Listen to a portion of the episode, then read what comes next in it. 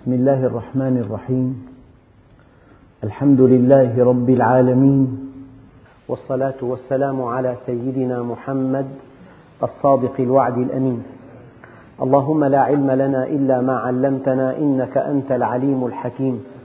اللهم علمنا ما ينفعنا وانفعنا بما علمتنا وزدنا علما. وأرنا الحق حقا وارزقنا اتباعه. وأرنا الباطل باطلا وارزقنا اجتنابه. واجعلنا ممن يستمعون القول فيتبعون أحسنه وأدخلنا برحمتك في عبادك الصالحين. أيها الإخوة الكرام مع الدرس الرابع من سورة القمر ومع الآية الثالثة والثلاثين. أيها الإخوة قبل أن نمضي في الحديث عن الأقوام الذين كذبوا واستحقوا عذاب الله عز وجل لا بد من حقيقة محورية في هذا الدرس وهي أن كل قوم كذبوا الحق وانحرفوا وعصوا. جاءهم الإنذار تلو الإنذار. فركبوا رؤوسهم واستكبروا ثم جاءهم العذاب. السؤال هنا الإنسان إذا تحقق أن هذا الإنذار صادق ولا شك في مصداقيته أبدا وأن هذا الذي وقع بعد الإنذار من عذاب استئصال لا يمكن لواحد أن يتفلت منه فإذا ثبت لديك مصداقية الإنذار وحتمية العقاب ماذا ينبغي أن نعمل؟ أنت في تعاملك مع الدنيا مع من حولك إذا ثبت لديك أن واحدا من الناس إذا قال فعل وأنه إذا أراد أن يفعل لن تستطيع أن تتفلت من قبضته. أنت تجد نفسك مستقيما على أمره. فالعبرة من هذه القصص أن الله سبحانه وتعالى حدثنا عن أقوام كثيرين. حدثنا عن قوم نوح وعن قوم صالح وعن عاد وثمود وحدثنا عن قوم فرعون وحدثنا عن قوم لوط. وكيف أنهم جميعا؟ هناك قاسم مشترك بينهم جميعا. كذبوا دعوة الأنبياء وكذبوا وعيد الأنبياء وانحرفوا فجاءهم العذاب الأليم. وهذه سنة الله في خلقه. ولن تجد لسنة الله تبديلا. ولن تجد لسنة الله تحويلا. ومرة ثانية أعود وأقول إن كل القصص في كتاب الله لا يمكن أن تكون قصة بمعنى أن أشخاصا ووقائع وحوادث وحوار ووصف وبداية وعقدة ونهاية نقرأها فنستمتع بها أو نقرأها فنأخذ علما بها. قصص كتاب الله عز وجل فوق هذا بكثير إنها قوانين صيغت على شكل قصص إنها حقائق صيغت على شكل حوادث. إنها سنن صيغت على شكل أشخاص يتحاورون. فالذي يعنينا من هذه القصص أن الإنذار صادق وأن العقاب حتمي. فإذا كان الإنذار صادقا والعقاب حتميا ماذا ينبغي أن نعمل؟ ينبغي أن نستقيم على أمر الله وينبغي أن نفر إليه وأن نلجأ إليه. فالله سبحانه وتعالى يقول كذبت قوم لوط بالنذر. كذبت قوم لوط بالنذر. قوم لوط الذين أرسل الله لوطا إلى هدايتهم. هؤلاء كانوا منحرفين انحرافا أخلاقيا. آثروا الرجال دون النساء. واليوم كما تعلمون في بأمريكا وحدها كما تقول الإحصاءات 17 مليون شاذ. وما مرض الإيدز الذي هو, من هو وباء العصر إلا بسبب هذا الانحراف. فهؤلاء القوم انحرفوا عن الفطرة التي فطرهم الله عليها إلى طريقة شاذة في إشباع هذه الرغبة. حقيقة فرق كبير بين الزاني وبين اللوط. الزاني خالف الحكم الشرعي لكن الشاذ خالف الفطرة. فرق كبير جدا. يعني التصميم الإلهي وأنه خلق الزوجين الذكر والأنثى. فهناك المكان الطاهر المكان الذي ينبت. نساؤكم حرث لكم. مكان إنجاب الأولاد. المكان الطبيعي الذي خلق للإنسان. فالذي أراد انحرافا وشذوذا لم يخالف الحكم الشرعي بل خالف الفطرة. لذلك هؤلاء القوم خالفوا الحكم والفطرة معا فاستحقوا الهلاك. طيب هذا على مستوى قوم. وعلى مستوى فردي الإنسان إذا انحرف وخالف تعليمات الصانع فالعقاب حتمي. لكن رحمة الله عز وجل تقتضي أن يسبق عقابه الإنذار أن يسبق عقابه إنذاره. لذلك قال تعالى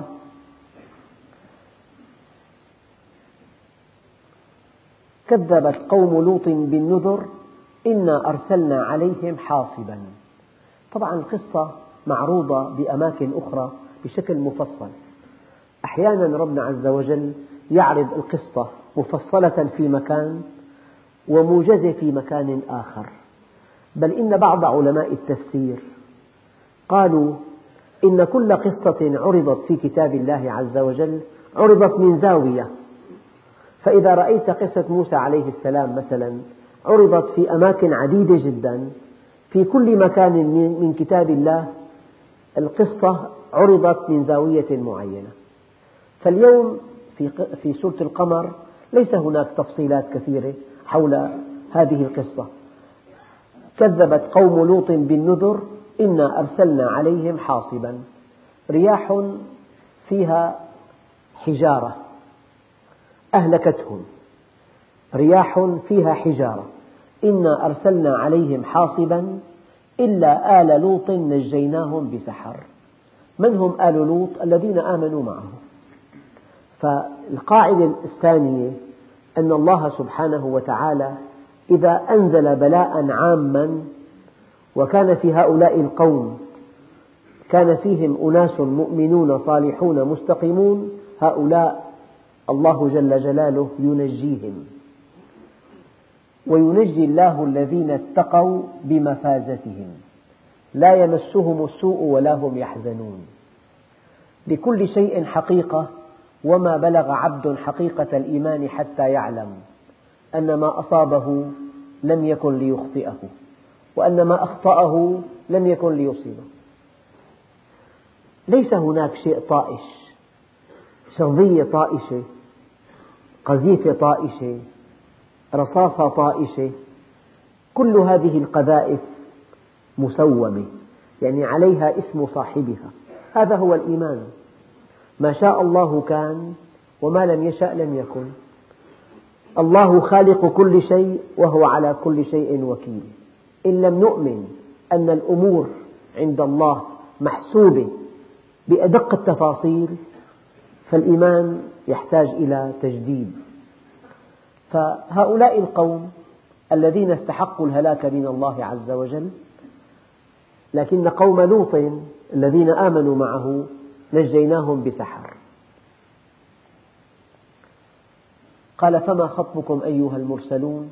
قالوا أرسلنا إلى قوم مجرمين لنرسل عليهم حجارة من طين مسومة عند ربك للمسرفين. مسومة. فاستبدل كلمة لا تقل طائشة قل مسومة. وهذه القاعدة مطبقة في كل الحياة. كل شيء مسوم. ما في شيء طائش أبدا. لأن الله عز وجل كماله مطلق. يعني كل شيء بيده. الله خالق كل شيء وهو على كل شيء وكيل. له الخلق والأمر. ما لكم من دونه من ولي ولا يشرك في حكمه أحدا. نجيناهم بسحر. ويمكن أن تستمع إلى آلاف القصص في حياتنا. كيف أن الله سبحانه وتعالى نجى المؤمن المستقيم من كرب عظيم من كارثة كبيرة من مصيبة طاحنة لسبب صغير صغير لم يلق له بالا. لكن وكذلك ننجي المؤمنين. أن ينجي الله المؤمنين هذا أحد قوانين الله عز وجل. نجاة المؤمنين من الكرب العظيم أحد سنن الله عز وجل. بالمقابل الإنسان مهما كان ذكيا مهما كان عاقلا مهما كان حكيما مهما أخذ الحيطة مهما أخذ, أخذ الحذر مهما غطى كل الاحتمالات مهما سد كل الثغرات قد يأتيه المصاب من مأمنه. وقد قيل يؤتى الحذر من مأمنه. وقد قال عليه الصلاة والسلام لا ينفع حذر من قدر لا ينفع حذر من قدر. ولكن ينفع الدعاء مما نزل ومما لم ينزل. فالإنسان لو أنه لم يكن مستقيما وكان حكيما وذكيا وعاقلا وسد كل الثغرات وأخذ كل الاحتياطات وتوقع كل الاحتمالات وأخذ بكل الأسباب الله جل جلاله يؤدبه من الجهة التي اطمأن إليها ومن الجهة التي أغلقها. ومن الجهة التي اعتمد عليها ومن مكان لا يتوقعه. ما الذي ينفعك؟ لا ينفعك حذرك تنفعك استقامتك. دقق في هذا الكلام. لا ينفعك ذكاؤك ولا ينفعك مالك ولا ينفعك حذرك ولا ينفعك أن تأخذ بالأسباب ولا أن تسد الثغرات ولا أن تتوقع الاحتمالات ولا أن تغطي المشكلات لا ينفعك إلا أن تطيعه فإن أطعته طمأنك وحماك وحفظك وأيدك ونصرك. فالآن الناس أحيانا يكون غارق بالمعاصي لكن يقول هذه القضية أغلقتها هذه القضية آه، أخذت الحيطة منها. لا لا ينفع حذر من قدر ولكن ينفع الدعاء مما نزل ومما لم ينزل. لا يمنعك من الله إلا أن تكون على أمره ونهيه. والحذر يؤتى من مأمنه. يعني مثلا أحيانا طبيب متفوق باختصاصه وقد أمضى ثلاثين عاما في دراسة هذا المرض وأسباب الوقوع فيه. هو واثق من نفسه إلى درجة أنه لن يصاب بهذا المرض لأنه عليم بكل تفاصيله ودقائقه. مثل هذا الإنسان الذي اعتمد على علمه وظن أنه أن الأسباب وحدها تكفي قد يصاب بهذا المرض. تأديبا له على شركه أو على اعتماده على الأسباب. إذا ننطلق في بداية هذا الدرس من أن الله سبحانه وتعالى ذكر لنا أقواما كثيرين. جاءتهم رسالة السماء فكذبوا بها. أنذروا بعذاب إذا هم عصوا فلم يعبأوا بهذا الإنذار. جاءهم العذاب الأليم فاستأصلهم. قال تعالى فكيف كان عذابي ونذر؟ فإذا أيقنت بمصداقية الإنذار وإذا أيقنت بحتمية العقاب المنطق والعقل والفطرة يدعوانك إلى طاعة الله عز وجل. إنا أرسلنا عليهم حاصبا أي رياحا محملة بالحجارة فأهلكتهم عن آخرهم. إلا آل لوط نجيناهم بسحر. وكل إنسان له معاملة خاصة إذا كان مطيعا لله. القاعدة يعني هناك من يقول أن البلاء بعم البلاء بعم بحالة واحدة أن يسكت الإنسان عن الأمر بالمعروف. والنهي عن المنكر. فعلا البلاء بعم أما الإنسان المستقيم الذي يذكر الله عز وجل ويذكر بالله ويأمر بالمعروف وينهى عن المنكر مثل هذا الإنسان الله جل جلاله يأخذ بيده ويحفظه وينصره. والحقيقة التي تعرفونها جميعا هو أن الله سبحانه وتعالى حينما قال والله إن الله مع المؤمنين وفي آية مع المتقين وفي آية مع الصابرين. قالوا هذه المعية الخاصة معية النصر والتأييد والحفظ والتوفيق. ولكن هذه المعية مشروطة هي خاصة ومشروطة. مشروطة حينما قال الله عز وجل وقال الله إني معكم لئن أقمتم الصلاة وآتيتم الزكاة.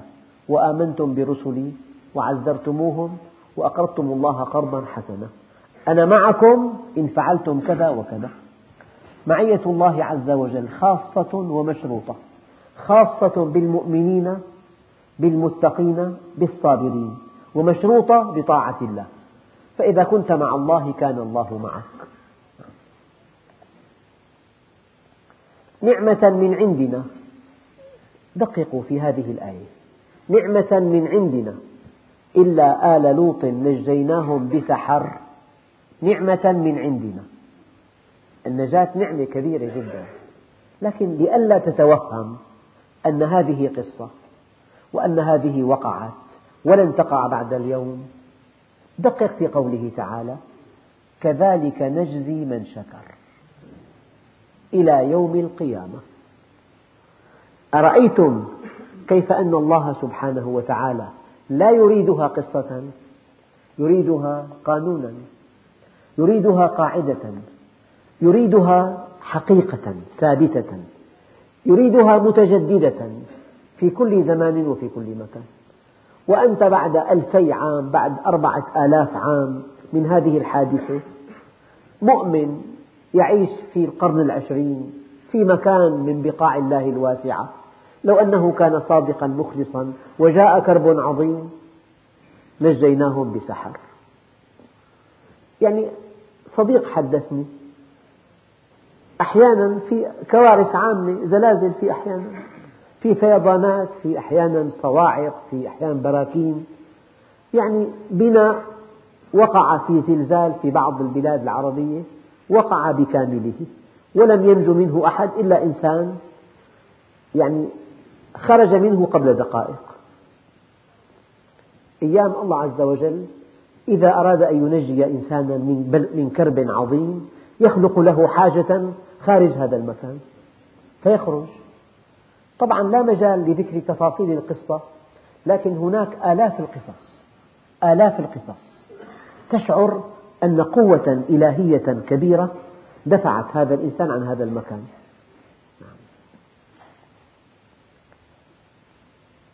نعمة من عندنا كذلك نجزي من شكر. سأذكركم ببعض الآيات المشابهة لهذه الآية. ولما بلغ أشده واستوى آتيناه حكما وعلما. وكذلك نجزي المحسنين. آية ثالثة. فنادى في الظلمات أن لا إله إلا أنت سبحانك. إني كنت من الظالمين. فاستجبنا له. ونجيناه من الغم. وكذلك ننجي المؤمنين. وينجي الله الذين اتقوا بمفازتهم. لا يمسهم السوء ولا هم يحزنون. هذا كلام يلقي في قلوبكم الطمأنينة والبشرى والثقة بعدالة الله والثقة بحفظ الله. الإنسان من دون إيمان تحت أخطار كبيرة جدا. أخطار صحية. أخطار في أجهزته في أعضائه. أخطار في السير أخطار, أخطار حوادث. أخطار قهر أحيانا. أخطار فقر مدقع فالإنسان بهذه الطريقة يعني طائرة قبل سنوات ارتطمت بالأرض لخطأ في قيادتها. أحد الركاب الذين أراد الله أن ينجيه لم يستخدم حزام الأمان عدم استخدامه هو الذي أنقذه. حالة غريبة جدا. نعم. انشقت الطائرة جنب مقعده. لو كان مربط ما خرج منها. ألقى بنفسه خارج الطائرة بعد أن وقعت على الأرض. يعني في حالات نجاة عجيبة جدا. طائرة تطير فوق أوروبا. احترقت في السماء. وقع منها راكب على ارتفاع أربعين ألف قدم. نزلت على غابة في جبال الألب مغطاة بثلوج سماكتها خمسة أمتار. فخمسة الأمتار مع, مع الأغصان المرنة امتصت هذه الصدمة ونزل نزل على قدميه. قبل عام أو أكثر أصاب طائرة تطير من جدة إلى دلهي فيما أعتقد. أصاب هذه الطائرة خلل في إحدى النوافذ. أم تحمل طفلين صغيرين. ولدا لتوهما ولدا حديثا توأمين. فالطائرة مضغوطة من أمثال. فحينما انفتحت النافذة فجأة لخلل أصابه الطفلان خرجا من النافذة ووقعا في البحر على ارتفاع أربعين ألف قدم. وما بقي واحد إلا وهو أيقن بهلاكهما. وذهبت أمهما إلى بلدها في الهند ثم جاءتها مذكرة أن ارجعي إلى الخليج لسبب ما. هي ظنت ستعطى التعويض إذا بولديها أمامها. هذان الطفلان الصغيران نزلا إلى جنب صياد سمك فغاص وأنقذهما وأخذهما إلى المستشفى. طفلان يعني إذا الله عز وجل أراد أن ينجي إنسان يعني إذا كنت في كل حال معي فعن حمد زادي أنا في غنى. وإذا العناية لاحظتك جفونها نم فالمخاوف كلهن أمامك يعني أنت يجب أن تثق برحمة الله وبعدالته وبمحبته لك. فإذا كنت معه كان معك وأنقذك من كل شيء تخافه. طبعا هذه قصص حادة صارخة. أما في آلاف القصص نعيشها جميعا. أيام شبح مصيبة ينزاح عنك. أيام مشكلة تنجو منها. أيام مطب كبير تتفلت منه. أحيانا يعني مصاب كبير. حدثني أخ. يعني يدفع زكاة ماله. شعر بضيق محله مغلق. شعر بضيق شديد. يوم عطلة. ألم به. فركب مركبته واتجه إلى المحل. أول احتراقه. بدأ يحترق الورق. صار في ماس كهربائي. طيب ما الذي أشعره أن يذهب إلى محلك التجاري قال لي كان كل شيء في المحل احترق لكن في أول المرحلة. اسمع قصص كثيرة جدا. هذه القصص يعني نجاة من يعني إكرام من الله نعمة من عندنا. إلا آل لوط نجيناهم بسحر نعمة من عندنا. لكن إياك أن تتوهم أن هذه قصة هذه قانون. كذلك نجزي من شكر.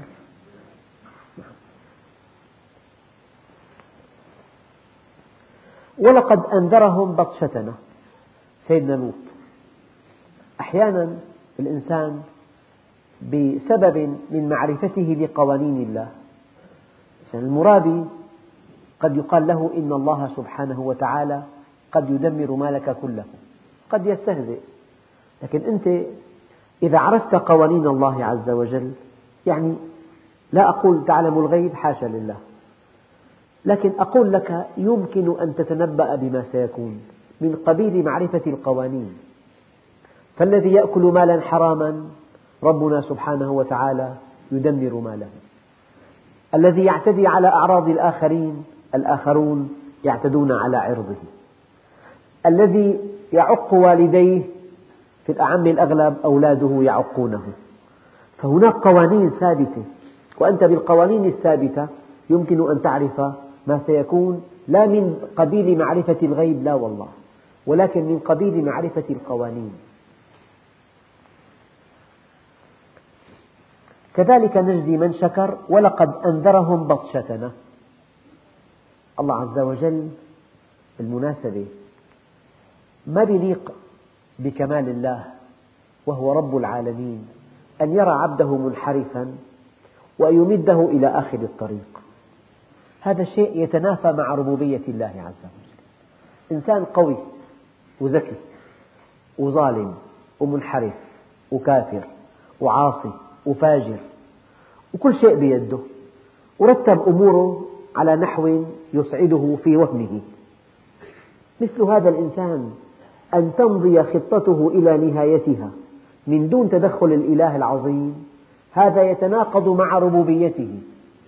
لذلك قال أحدهم عرفت الله من نقض العزائم. عرفت الله من نقض العزائم. بتكون خطة محكمة جدا.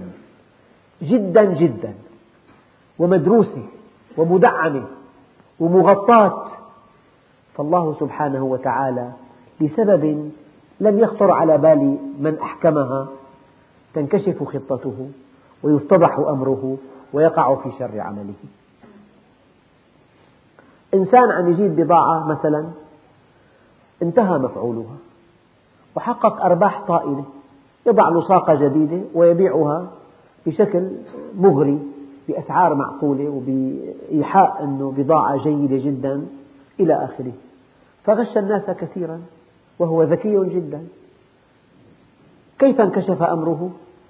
نسي في بعض العلب أن يضع اللصاقة الجديدة فوق القديمة فانكشف أمره. هذا في بلد آخر. يعني على أثر الغش التجاري ظهر قانون وكان في قسوة بالغة لأنه غطى انحراف المنحرفين هذا القانون. يعني إنسان يغش الناس آه، يبتز أموال يبني مجده على أنقاض الآخرين. يبني حياته على موت يبني غنى على فقر. وتمضي خطته إلى نهايتها. هذا يتناقض مع ربوبية الله عز وجل. لذلك الإنسان مهما كان حذرا مهما كان قويا مهما كان حكيما مهما كان يقظا مهما كان مستعدا مهما غطى الأمور مهما سد الثغرات مهما توقع الاحتمالات مهما أخذ بالأسباب إن كان منحرفا لا بد من أن يدمر لسبب تافه. لسبب تافه. لو تتبعتم كيف ينهار الإنسان المنحرف؟ تجد شيء عجيب. مر بمخاطر كبيرة جدا ونجا منها وعند أتفه الأسباب اتضح أمره. هذا من فعل الله هذا بتقدير الله هذا بحكمة الله عز وجل. ولقد أنذرهم بطشتنا فتماروا بالنذر. معنى تماروا أي لم يؤمنوا بهذه النذر. ناقشوها قلبوها على وجوهها رفضوها استهزأوا بها طالبوا, طالبوا بالدليل والدليل لم يعجبهم. يعني الإنسان المنحرف يتسلى بالمنطق يتسلى. يعني الإنسان المنحرف لا يفكر تفكيرا جادا يفكر تفكيرا هازلا. هذا المماراة. فتماروا بالنذر ولقد راودوه عن ضيفه. سيدنا إبراهيم عنده ضيوف كرام ملائكة. بشكل شباب صباح الوجوه. فقوم لوط لما رأوا عنده هؤلاء الشباب صباح الوجوه راودوه عن ضيفه. بل إن بعض القصص المأثورة تروي أن امرأة لوط بلغت قومها أنه عند زوجي شباب مرد فأقبلوا. ولقد راودوه عن ضيفه. الله عز وجل قال فطمسنا أعينهم ما رأوا شيئا. يعني تقريبا الله عز وجل مهما كان الأمر عصيب. بيوقف القلب أحيانا بيموت فجأة. مرة قاضي يعني قصة قديمة قبل خمسين عام يعني متفق مع الخصم على حكم معين وعلى شهادة معينة وعلى وقف على قوس القضاء فجاءته نوبة قلبية وهو على القوس. جاء قاض مكانه فحكم وفق الحق. يعني الإنسان مهما اعتد بنفسه فربنا عز وجل أمره هو النافذ ما شاء الله كان وما لم يشاء لم يكن. ولقد راودوه عن ضيفه فطمسنا أعينهم فذوقوا عذابي ونذر. أحيانا الإنسان المربي إذا وعظ إنسانا آخر وتوعده بعقاب إذا هو فعل كذا وكذا. ففعل ما نهاه عنه وجاء العقاب. هناك كلمة لا بد من أن يقولها. ألم أقل لك, ألم أقل لك لم تفعل لا تفعل؟ ألم أنذرك هذا العقاب الأليم؟ هذا معنى قوله تعالى فكيف كان عذابي ونذر؟ ولقد صبحهم بكرة عذاب مستقر. هم في الليل راودوه عن ضيفه وفي الصباح أرسل الله عليهم حجارة من السماء فدمرتهم فجعلنا عاليها سافلها. وليس هذا غريبا علينا نحن في كل حين نستمع إلى براكين وإلى زلازل وإلى صواعق وإلى فيضانات وإلى حروب أهلية. قل هو القادر على أن يبعث عليكم عذابا من فوقكم أو من تحت أرجلكم أو يلبسكم شيعا. فذوقوا عذابي ونذر. فكل إنسان انحرف هذا الانحراف له ذلك العقاب. لكن أحيانا يكون عقاب جماعي تتناقله الأفواه. بس أحيانا كثيرة جدا عقاب فردي. يعني الله عز وجل له أمر تكليفي وله أمر تكويني. ففي الأعم الأغلب الأمر التكويني هو ثمرة للأمر التكليفي. فربنا بيأمر وبينهى له فعل تكويني هذا أمر التكليفي. فعله التكويني يكافئ المحسن ويعاقب المسيء. ولو تتبعت الأمر مليا لوجدت العجب العجاب. لوجدت فعل الله يفسر بحفظ المؤمن وتوفيقه والأخذ بيده ونصره وإسعاده وإلقاء السكينة على قلبه. وأن فعل الله نفسه ينصب على المنحرف شقاء وإخفاقا وابتلاء ومصابا. فأوامره واضحة أما أفعاله تؤيد, أقوى تؤيد أوامره. لذلك قال العلماء تأويل الآية الحقيقي وقوع وعدها ووعيدها. لما ربنا عز وجل قال لا تأكلوا الربا أضعافا مضاعفة. ما تأويل هذه الآية؟ حينما يدمر مال المرابي تدمير ماله أدق تأويل لهذه الآية. لما ربنا عز وجل يقول من عمل صالحا من ذكر أو أنثى وهو مؤمن فلنحيينه حياة طيبة.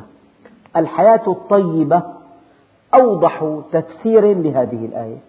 الحياة الطيبة التي يحياها المؤمن المستقيم. هي نفسها تأويل قوله تعالى من عمل صالحا طيب المعيشة الضنك إن رأيت بيت في تفلت ما في صلاة ما في انضباط في اختلاط ما في مال حلال. إن وجدت في هذا البيت كل يوم مشكلة خصومات عميقة. الزوج والزوجة متخاصمان الأولاد مشتتون. قطعة من الجحيم هذا البيت. هذا البيت الذي هو قطعة من الجحيم. هو أوضح تأويل لقوله تعالى ومن أعرض عن ذكري فإن له معيشة ضنكا. أوضح تأويل. لو رأيت إنسان تصدق ببعض ماله فنمى ماله؟ نماء ماله؟ أوضح تأويل لقوله تعالى يربي الصدقات. لو رأيت إنسان نمى ماله بشكل غير مشروع فدمر الله ماله. يمحق الله الربا. أوضح تأويل لهذه الآية. فالتأويل الحقيقي وقوع الوعد والوعيد. أبدا. وقوع الوعد والوعيد هو أدق تأويل وأفصحه وأوضحه.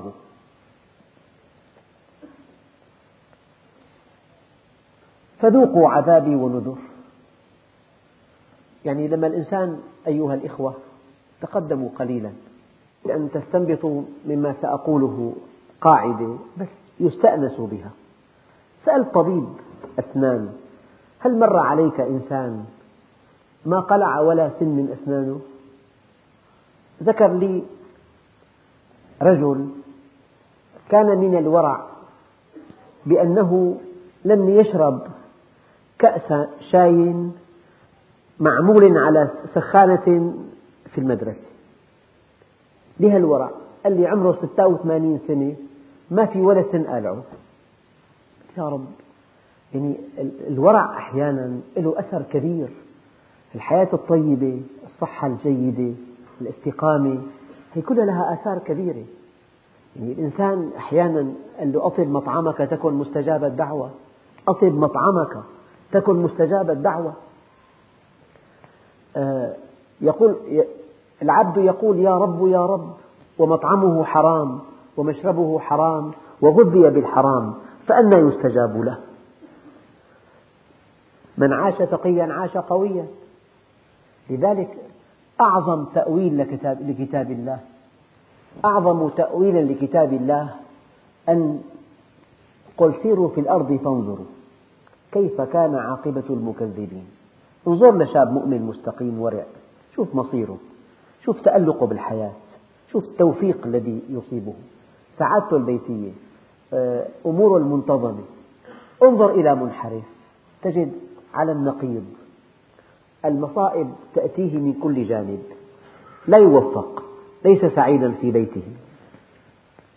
هذا معنى قوله تعالى ومن أعرض عن ذكري فإن له معيشة ضنكا ونحشره يوم القيامة أعمى. ولقد يسرنا القرآن للذكر فهل من مدكر؟ القرآن ميسر. ذكرت مرارا أنك إذا أردت أن تفهم كلام الله فكل, فكل الناس في خدمتك. يمكن أن تفهمه يمكن أن تقرأه يمكن أن تستمع إليه يمكن أن تستمع إلى تفسيره. فربنا عز وجل لأنه كتاب هداية لأنه منهجنا لأنه طريقنا إلى السعادة لأنه كتابنا المقرر لأن فيه نجاتنا فيه نجاتنا. نعم. ولقد جاء آل فرعون النذر. الآن خرجنا من الجزيرة إلى إفريقيا. كل هؤلاء الذين ذكرهم الله عز وجل عاشوا في جزيرة العرب. الآن خرجنا إلى قوم آخرين ولقد جاء آل فرعون النذر. كذبوا بآياتنا كلها فأخذناهم أخذ عزيز مقتدر. يعني إن بطش ربك لشديد إنه هو يبدئ ويعيد وهو الغفور الودود ذو العرش المجيد فعال لما يريد. يعني الله عز وجل هلأ مثلا الناس كلهم قلقون إلى درجة غير معقولة من مرض الإيدز تصور دول عظمى دول عظمى بكل إمكاناتها بكل هيئاتها العلمية بكل الأموال ذات الحجوم الفلكية. لك 800 ألف مليون كلها موظفة في البحث العلمي للوصول إلى مادة مضادة لهذا الفيروس. العالم كله بخمس قاراته بكل هيئاته بأرقى جامعاته بكل إمكاناته واقف مكتوف اليدين أمام أضعف فيروس على الإطلاق. الإصابات بعد خمس سنوات مقدرة ب 120 مليون. الآن الإصابات 34 مليون. ممكن توظف ألف مليون دولار. يغير هذا الفيروس شكله كلها ذهبت أدراج الرياح. أبدا. هذا جند من جنود الله عز وجل. الله عنده جنود كثيرة الزلازل جند وهذا الفيروس جند وكل شيء يرسله الله عز وجل لحكمة بالغة. أيها الإخوة انتهت القصص التي جاءت تباعا والتي تؤكد أن الله سبحانه وتعالى يرسل الأنبياء وينذر فإن لم يصدق الأنبياء وإن لم يتبع منهجه ينزل عقابه الأليم. وذكرت في أول الدرس أن الإنسان العاقل يجب أن يتحرى مصداقية هذا الإنذار وأن يتحرى حتمية وقوعه وقوع العقاب. فإذا ثبت لديه مصداقية الإنذار وحتمية الوقوع فالعقل يأمره أن يستقيم على أمر الله وإلا أصابه ما أصاب هؤلاء. الآن هذا المعنى جاء بآية دقيقة. قال تعالى أكفاركم يخاطب أهل مكة خير من أولئكم؟ أم لكم براءة في الزبر؟ معكم براءة؟ معكم ضمانة معكم دليل على أنكم لن تعذبون لن تعذبوا كما عذب هؤلاء. أكفاركم خير من أولئكم يعني أنت من نوع آخر. الكفر واحد ملة الكفر واحدة المعصية واحدة الفسق واحد الفجور واحد التكذيب واحد آه، الكفر واحد. في أي مكان وفي أي زمان الكافر كافر والمؤمن مؤمن والمستقيم مستقيم والمنحرف منحرف. فقال أكفاركم خير من أولئكم؟ فعلتم ما فعلوا واقترفتم ما اقترفوا وعصيتم كما, وعصيتم كما عصوا وانحرفتم كما انحرفوا وبغيتم كما بغوا وظلمتم كما ظلموا أكفاركم خير من أولئكم؟ أم لكم براءة في الزبر؟ معكم ضمانة معكم دليل؟ معكم كتاب سابق نزل من السماء يضمن لكم عدم العذاب أم لكم براءة في الزبر؟ بل الساعة موعدهم والساعة أدهى وأمر. الآية خطيرة جدا. معنى إهلاك قوم لوط بحجارة من السماء ليست بشيء أمام ما ينتظرهم من عذاب أبدي. إهلاك قوم فرعون غرقا. ليس بشيء أمام ما ينتظرهم من عذاب أبدي. إهلاك قوم صالح بالصيحة. هؤلاء الأقوام الذين كذبوا فأهلكهم الله عز وجل. حتى هذا الهلاك حتى هذا القصم حتى هذا العذاب الأليم حتى هذا البطش الشديد. إذا قيس بما ينتظرهم من عذاب أليم ودائم وأبدي ليس بشيء. قال أكفاركم خير من أولئكم؟ أم لكم براءة في الزبر أم يقولون نحن جميع منتصر؟ أيام الكافر إذا رأى حوله جمعا غفيرا والناس كلها كذلك كلهم غارقون في الملذات يشعر بطمأنينة ناتجة عن كثرة العصاة. الناس كلها هيك يعني معقول الكل على غلط إذا كان انحرفوا بأخلاقهم بيع وشراء كذبوا أكلوا مالا حراما انغمسوا في الملذات تتبعوا البرامج المنحطة مثلا. الكل في عنده شوف الأصحى بيقول لك مثلا. يعني إذا كان الناس المنحرفين أصبحوا كثيرين هل هذا يعفينا من العقاب؟ بل أم يقولون نحن جميع منتصر؟ قال بل الساعة موعدهم والساعة أدهى وأمر. أدهى من كل ما ذكر. إن هذا العذاب بينتهي ساعة ساعتين انتهى. إذا إنسان مثلا ارتكب جريمة قتل أثناء إعدامه شنقا شيء مؤلم جدا لكن ربع ساعة ينتهي خلاص. فعذاب الاستئصال ينتهي أثره. أما عذاب الآخرة هذا لا ينتهي. وقالوا يا مالك ليقضي علينا ربك قال إنكم ماكثون إلى أبد الآبدين. هذا معنى قول الله عز وجل. النقطة الدقيقة الدقيقة أنه إذا كان وجدت معظم الناس انحرفوا في كسب أموالهم انحرفوا في علاقاتهم انحرفوا في نزهاتهم واختلاطهم انحرفوا في اقترافهم للمعاصي انحرفوا في تتبعهم صرعات العصر. وعم هذا كل الناس يعني أن يكون عاما وشاملا هل معنى هذا أنه حق؟ الحق حق والباطل باطل. وإن تطع أكثر من في الأرض يضلوك عن سبيل الله. وما يتبع أكثرهم إلا ظنا فالواحد لا يستأنس بكثرة المنحرفين. لا يستأنس بكثرة أدوات المعصية وهي منتشرة وواسعة لا. أم يقولون نحن جميع منتصر سيهزم الجمع ويولون الدبر. بل الساعة موعدهم والساعة أدهى وأمر. هذه الآيات القليلة هي مغزى السورة بكاملها.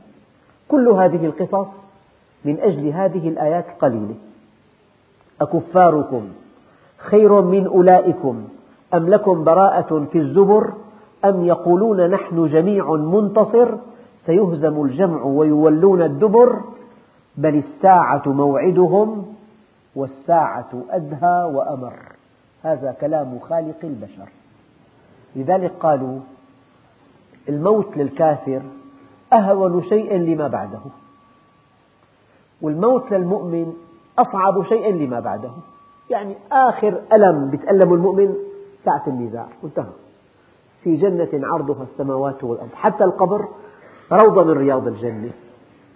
يعني آخر ألم يذوقه المؤمن ألم النزع إن للموت سكرات وانتهى. أما أقل ألم يذوقه الكافر ألم النزع لما بعده. لذلك الآية الكريمة بل الساعة موعدهم والساعة أدهى وأمر. ثم يقول الله عز وجل في آيات نؤجلها إلى الدرس القادم إن شاء الله تعالى إن المجرمين في ضلال وسعر يوم يسحبون في النار على وجوههم ذوقوا مس سقر. والحمد لله رب العالمين.